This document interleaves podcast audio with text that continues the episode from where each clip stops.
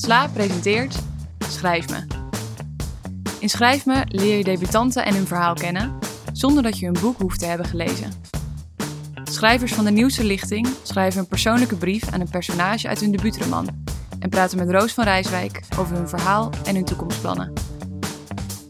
Ben je benieuwd naar meer audio van de Sla? Volg ons via Slaakast.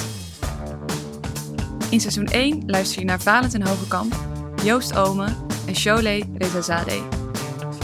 Dit programma is live opgenomen in het levendige Sexyland World.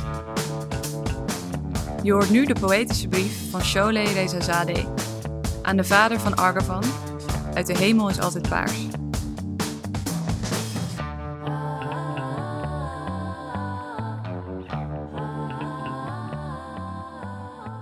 Vanavond gaan er vier schrijvers voorlezen. De vier schrijvers hebben allemaal uh, recent, uh, of iets, in, iets minder recent, een boek uitgebracht. Uh, maar wat is tijd nog ten tijde van lockdowns en pandemieën? dus het zijn allemaal misschien wel voor jullie splinternieuwe boeken. en de SLA heeft deze schrijvers een opdracht gegeven, namelijk schrijf een brief aan één van de personages uit je boek. Dat hebben ze allemaal gedaan. Uh, die schrijvers die zouden eigenlijk uh, op het, uh, natuurlijk op het hoofdpodium op zaterdagavond op Lowlands staan. Gepre gepresenteerd door Nicky de Jager, die daar al, al, maanden om smeekte. Nu zijn ze hier in Sexyland. het zijn Joost Ome, Chole Rezazadeh, sorry, ik moest toch even nadenken. Toby Lakmaker en, oh hemeltje lief, Helena Hogekamp. Geef ze alvast een applausje.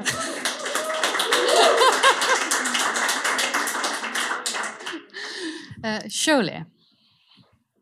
Cholet Rezazadeh schreven: De hemel is altijd paars. Uh, gelauwerd en geprezen boek over de Iraanse Argavan, die in Nederland, in Amsterdam, een kringloopwinkeltje bestiert.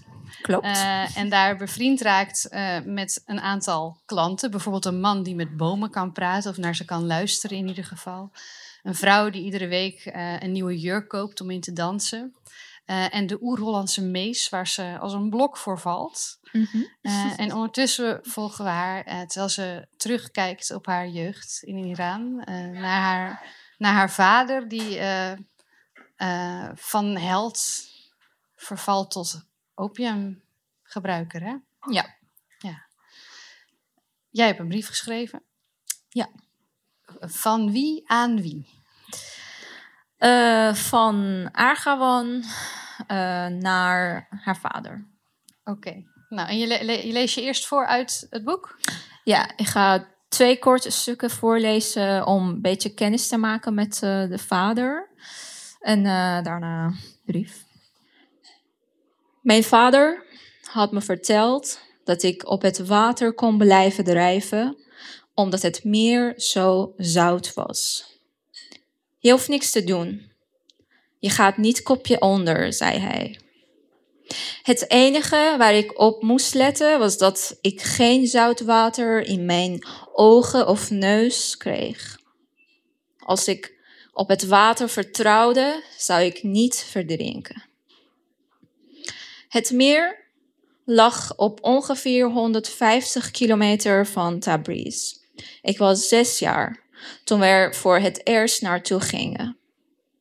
Mijn vader had beloofd dat hij me zou meenemen naar het mannengedeelte, zodat mijn moeder alleen kon gaan zwemmen, zich met zoutzand kon bedekken en zich geen zorgen om mij zou hoeven maken. Ik wilde altijd liever in het mannengedeelte zijn waar we ook naartoe gingen.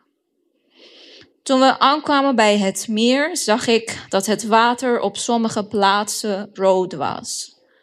Aan de rand van het meer stonden pelikanen en flamingo's. Uit het meer staken hier en daar rotsen van zout. Ze vertelden me dat er niets te vrezen was. Haastig trok ik mijn badpak aan en liep met mijn vader naar het mannengedeelte. Ik zag hoe bijna alle kinderen van mijn leeftijd samen met hun moeders naar het andere gedeelte gingen. Ze klampten zich stevig vast. De rode buik van mijn vader, de haren op zijn borst en zijn fijne, nette tanden glommen in de zon. Ik bleef dicht bij hem. Mijn hoofd reikte bijna tot zijn midden. Op het strand hoorde ik de mannen luid zingen en lachen. Mijn vader greep mijn hand en we liepen in een deel van het strand waar het helemaal stil was. Hij wilde liever niemand om zich heen hebben. En als we ergens heen gingen. Op die manier stonden we beter in contact met de natuur, natuur zei hij. Het geluid van pratende mensen leidde af van het geluid van de vogels. We zouden niet kunnen genieten van de grote vreugde die natuur ons bood. De frisse aanraking van de wind, de zachte geur van het meer en de warme handen van de zon op onze ruggen. Toen we ver genoeg waren en we geluiden van lachende mannen niet meer hoorden, vertelde mijn vader dat er in het zoute water geen vissen leefden maar dat het meer zeker heel blij zou zijn met een grote, mooie vis zoals ik.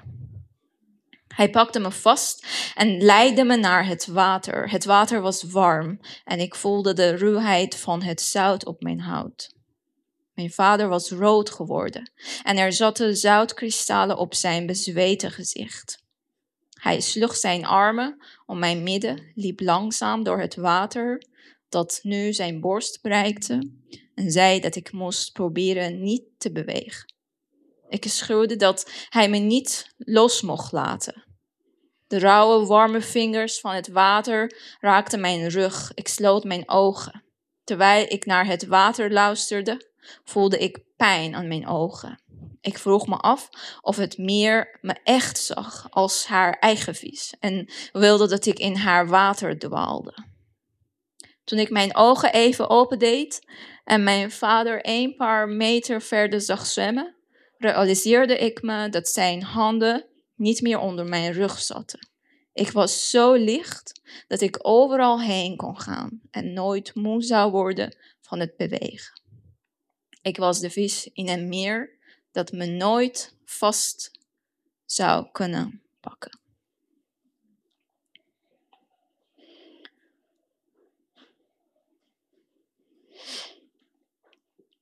Uh, ja, en dit is een stukje verder.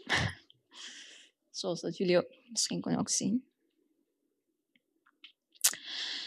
Ik denk aan de gele en vervormde tanden van mijn vader, de, de, de zoete en doordringende geur in zijn kleren en op zijn handen, zijn gebogen en slanke lichaam, zijn pupillen, der, die eruit zagen alsof ze met een lepel waren uitgelepeld, alle lelijkheid die in hem had gewoekerd.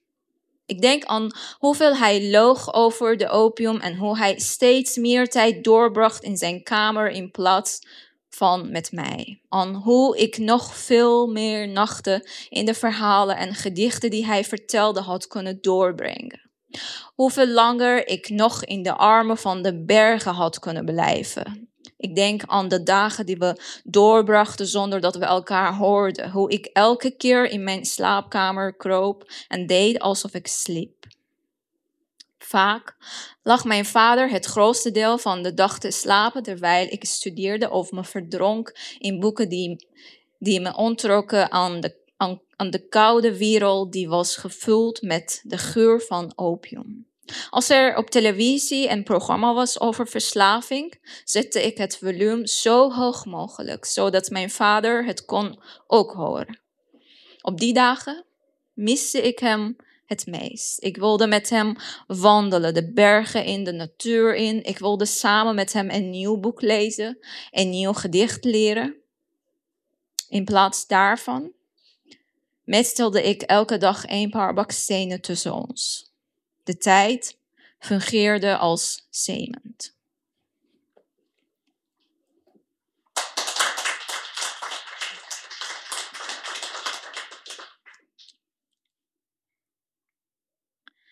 Ik laat je in de handen van de wind achter.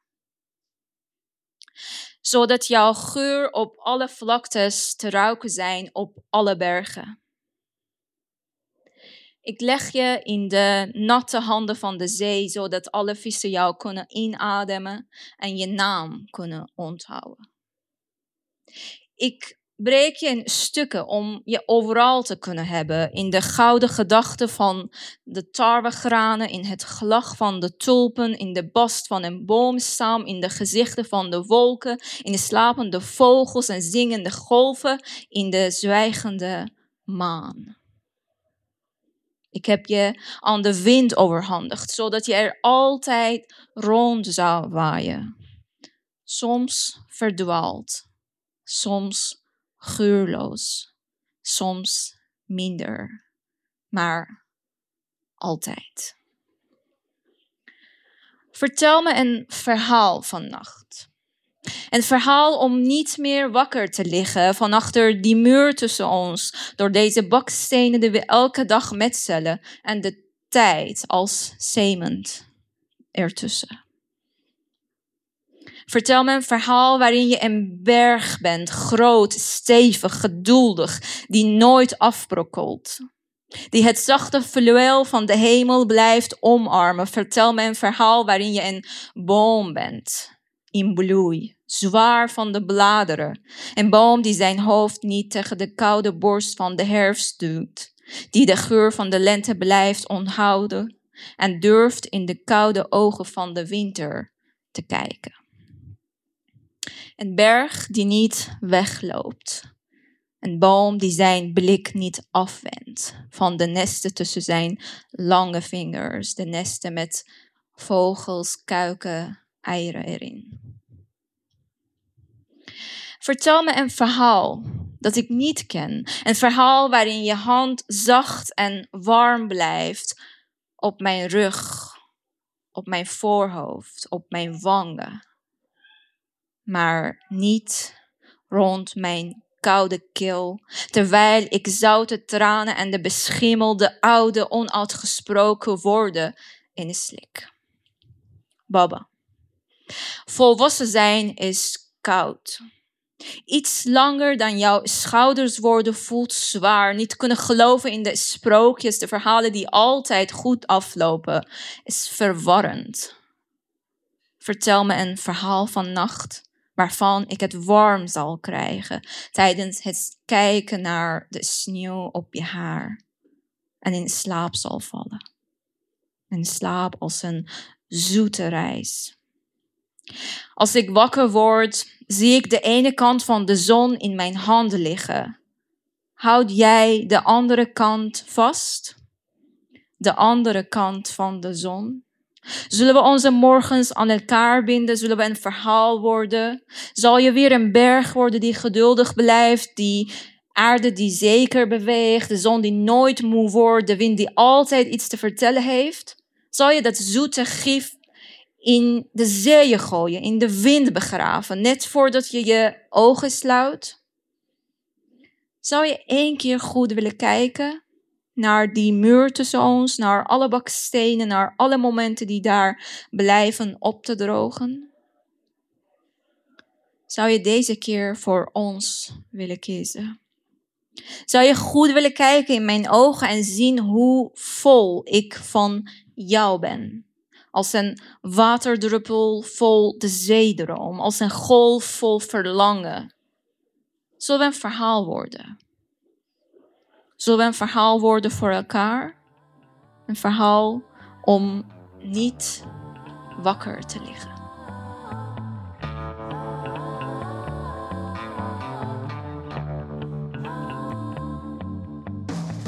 Wat jij net voorlas, jij, jij, jij hebt veel, ik weet eigenlijk niet of je nog steeds veel doet met spoken word, poëzie.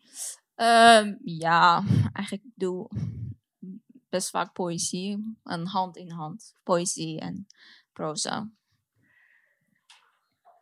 Want dit, dit was bijna een gedicht. Ja. Hoe is het zo gekomen dat De Hemel is altijd paars een roman werd? Um, ja. Dacht je, ben er even helemaal klaar mee, nu ga ik proza schrijven?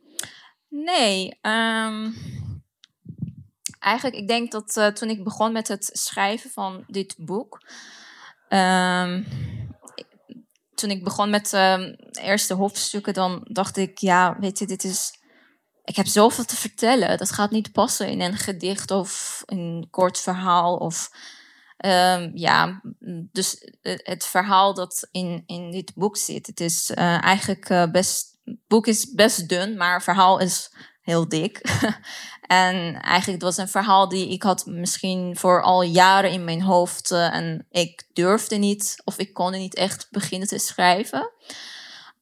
Ja, en toen ik begon met het schrijven, toen uh, ja, ik, ik, ik, ik dacht dat ik heb meerdere woorden nodig. Het past niet bij een gedicht of bij paar korte verhalen. Deze vorm was nodig. Ja. En in de tekst die je net voorlas, in de brief die je net voorlas, vraag je aan, aan de vader: uh, laten we een verhaal worden voor elkaar? Ja. Is dat dan nu niet zo? Want je vertelt natuurlijk wel, je zegt net het is een dun boek, maar het is inderdaad een heel groot verhaal. Je vertelt een verhaal. Ja. Ja, een verhaal voor de voor elkaar waarvan we niet wakker blijven liggen. Dus um, ja, meestal verhalen zijn om even tot rust te komen en dan ga je slapen en dan vergeet je misschien de andere dag. Uh, maar ja, met, met verhalen die je in je hebt, meestal uh, dan uh, lig je wakker. Of dan, of dan doen ze jou zo, zoveel pijn. Of um, je, hebt, je hebt woorden die je kan niet vertellen of wat. En dan, ja, en dan ik wilde zeggen dat we weten van dat verhaal heb ik genoeg. Zullen we dan nu een verhaal worden die juist om, mm, om te kunnen lekker slapen, zoiets. Je zegt van dat verhaal heb ik genoeg. Is dat ook? Je hebt natuurlijk heel veel over deze roman gesproken. Heel veel over het verhaal daarachter. Ben je daar een beetje klaar mee? Uh, met verhalen achter roman? Of... Nee, over. Hè, je moet natuurlijk deels over dit, dit, dit, verhaal. Het is autobiografisch, deels. Ja. Um, dus daar moet je de hele tijd over praten. Ja. Is dit ook een manier van jou om, om dat een beetje af te sluiten?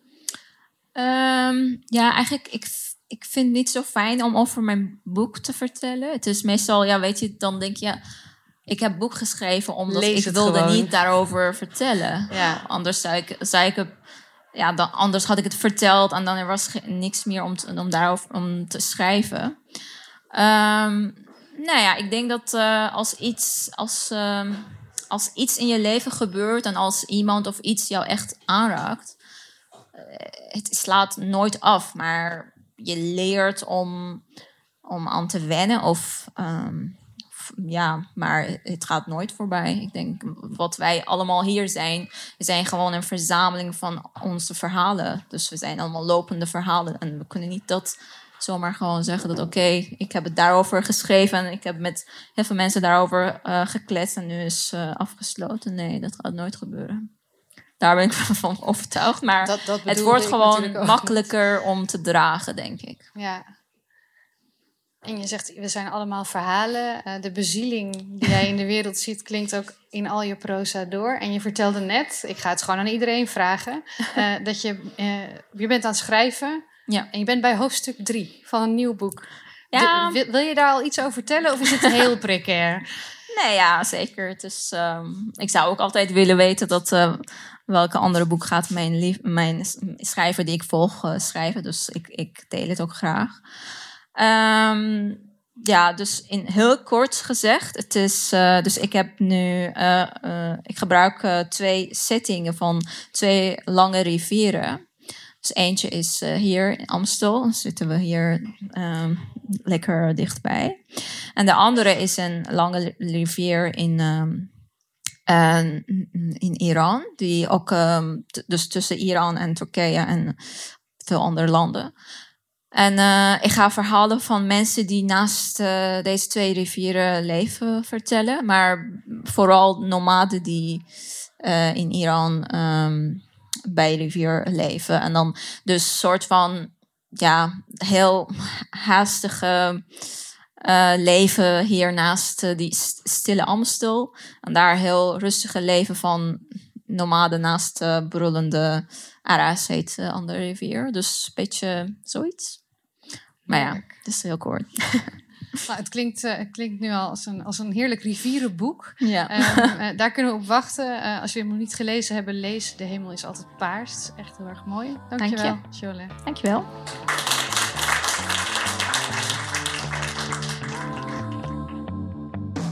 Je luisterde naar de audioreeks Schrijf me. Ben je benieuwd naar meer audio van de Sla? Volg ons via Slaakast.